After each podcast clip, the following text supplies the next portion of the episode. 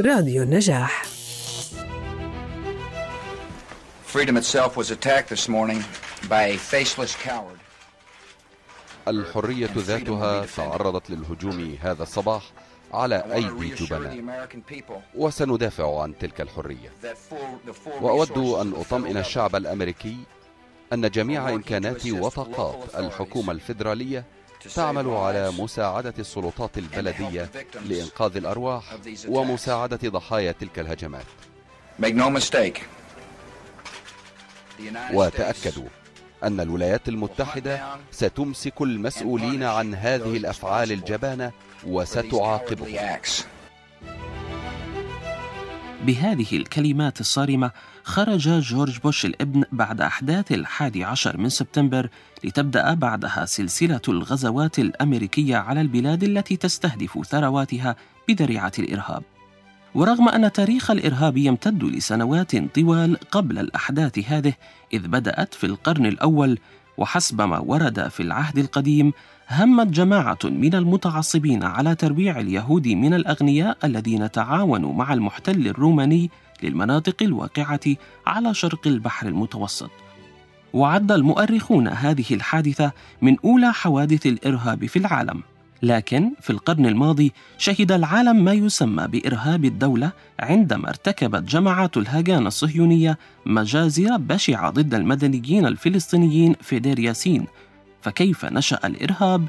وما هي دوافعه؟ وكيف نجأ ضحاياه نفسيا؟ هذا بودكاست دوليات من راديو النجاح وأنا سعد جردات. أهلا بكم. قررت الجمعية العامة للأمم المتحدة اعتماد يوم الواحد والعشرين من آب أغسطس بوصفه اليوم الدولي لإحياء ذكرى ضحايا الإرهاب وإجلالهم. من أجل تكريم ودعم ضحايا الإرهاب والناجين منه وتعزيز وحماية تمتعهم الكامل بما لهم من حقوق الإنسان وبحرياتهم الأساسية. واحتفلت الأمم المتحدة العام الماضي بهذا اليوم تحت شعار النجاة من الإرهاب قوة الارتباط الإنساني كأحد أشكال التضامن الرمزي مع ضحايا العنف والإرهاب وذويهم. أما الاحتفال المادي إن صح التعبير تمثل بإنشاء مجموعة أصدقاء ضحايا الإرهاب في عام 2019 برئاسة الممثلين الدائمين لأفغانستان وإسبانيا لدى الأمم المتحدة. للحديث بشكل أوسع عن دوافع الإرهاب نشأته ومن الذي يصنع ويمول الجماعات الإرهابية. ينضم معنا الأستاذ نبيل غيشان الكاتب والمحلل السياسي. أهلا بك أستاذ نبيل.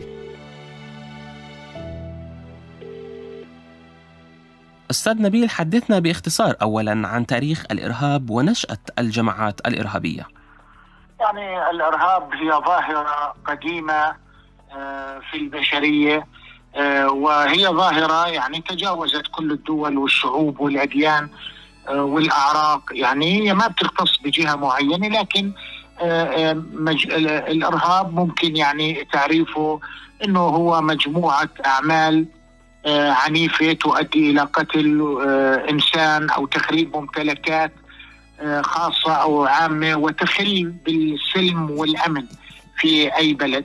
آه، هذه الظواهر آه، تطورت في التاريخ لكن هي آه، منشأها واحد وهي عدم احترام حقوق الإنسان والحجر على العقول والحريات بنظرك كيف تغير مفهوم الإرهاب والتعامل معه بعد أحداث الحادي عشر من سبتمبر؟ يعني الإرهاب كان آه، خلينا نقول على مدار التاريخ كان هو إرهاب آه، فردي آه، ظاهرة فردية شخص آه، يقوم بقتل آه، شخص أو أكثر من شخص.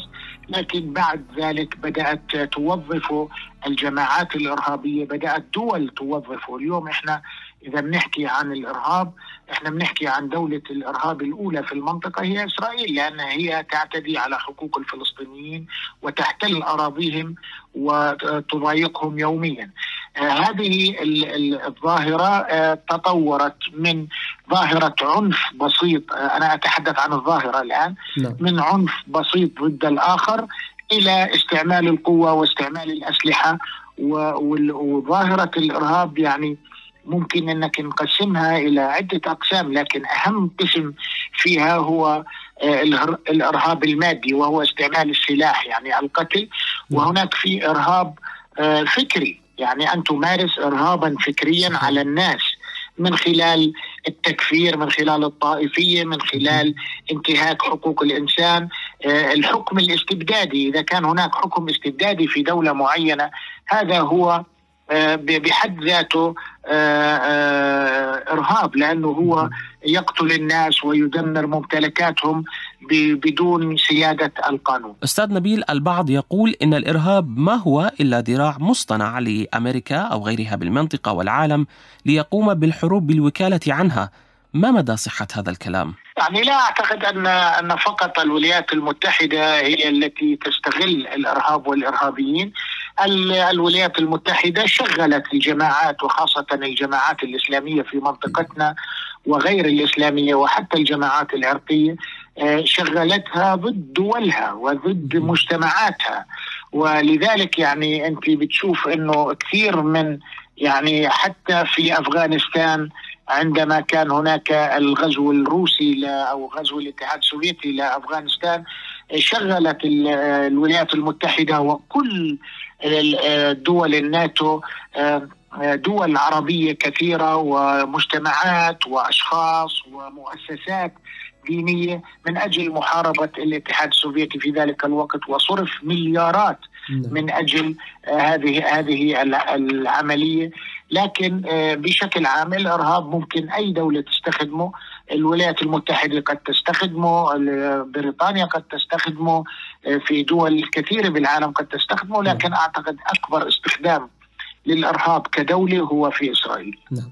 كيف حافظ الأردن على أراضيه معافى بشكل كبير من الإرهاب عسكريا وتشريعيا؟ يعني آه، الأردن عانى من ظاهرة الإرهاب منذ خلينا نقول خمسينيات القرن الماضي. يعني اولا تم اغتيال الملك الشهيد المؤسس في بداية الخمسينات اغتيال الشهيد آه، آه، هزاع المجالي رئيس الوزراء اغتيال وصف التل ونهاية بالشهيد الكاتب ناهض حتر.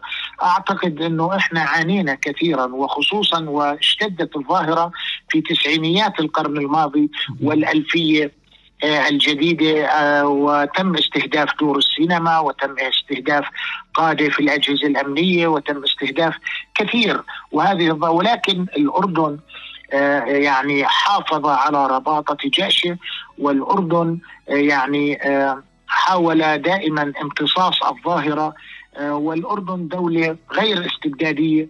لذلك يعني حقوق الإنسان فيها إلى حد ما كبير مصانع والأردن دولة لم تقتل معارضيها آه، كما فعل الكثيرون حولنا في العالم آه، لذلك يعني أنا أعتقد الأردن آه، عمل بجد ونشاط من أجل وما زلنا بالمناسبة نحن مستهدفين يعني حتى المخدرات صحيح. ما هي إرهاب صحيح.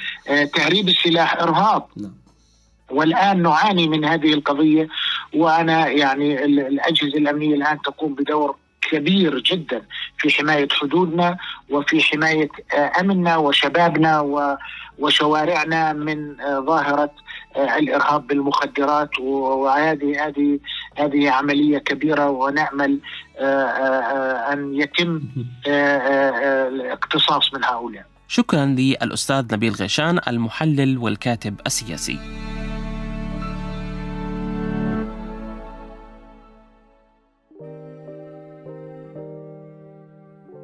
قبل أن ننتقل للنهاية نستضيف شخصا آخر لكنه ليس محللا ولا كاتبا سياسيا ولا هو خبير عسكري ولكنه ناج من أحداث مؤسفة عاشها الأردن عام 2005 حيث تحول آنذاك عرس أشرف الخالد إلى عزاء للوطن بأكمله.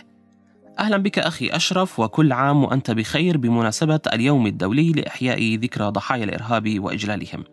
أشكركم على الاستضافة. لتسليط الضوء على ضحايا الإرهاب حتى نستطيع أن نواجهه بصورة صحيحة. أشرف لو سمحت صف لي المشاهد الأولى للانفجار وكيف كان الجو العام في المكان. إيه، حدث الانفجار عندما وصلنا إلى باب القاعة حيث أتذكر بأنه بنهاية فقرة الزفة حدث الانفجار.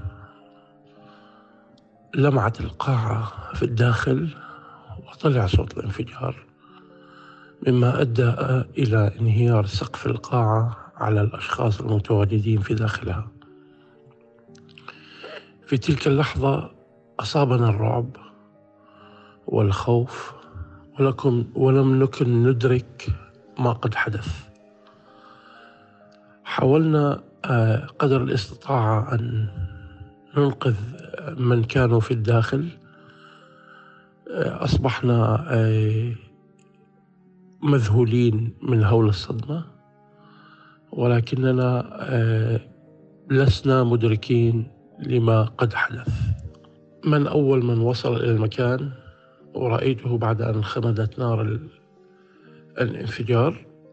أول من وصل إلى المكان كانوا رجال نشامة الدفاع المدني.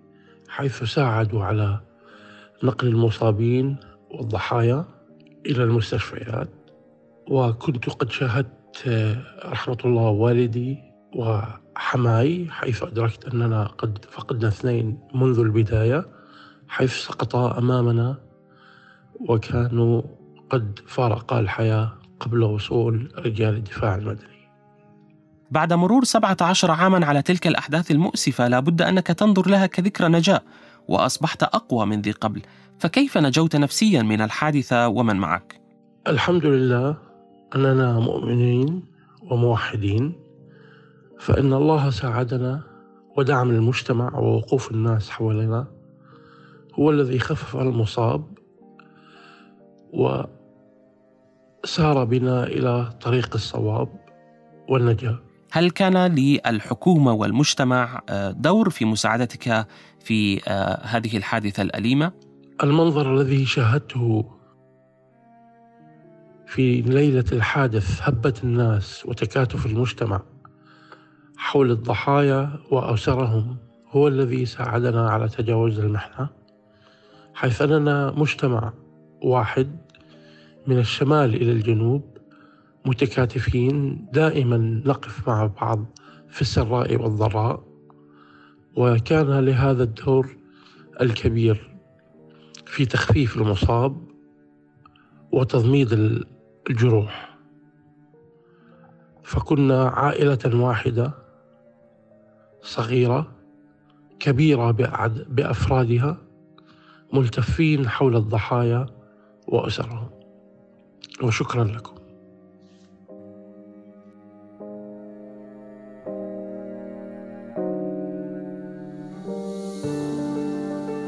الأستاذ أشرف الخالد الناجي من أحداث تفجيرات عمان 2005 أتمنى لك موفور الصحة والعافية دائما وشكرا لك على ظهورك معنا.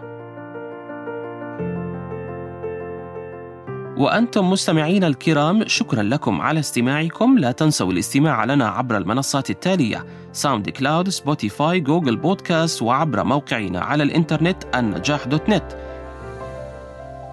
كان هذا بودكاست دوليات وأنقل لكم تحياتي. أنا سعد جردات وفريق العمل تمام بعيرات ملاك بطاينة أقول لكم إلى اللقاء.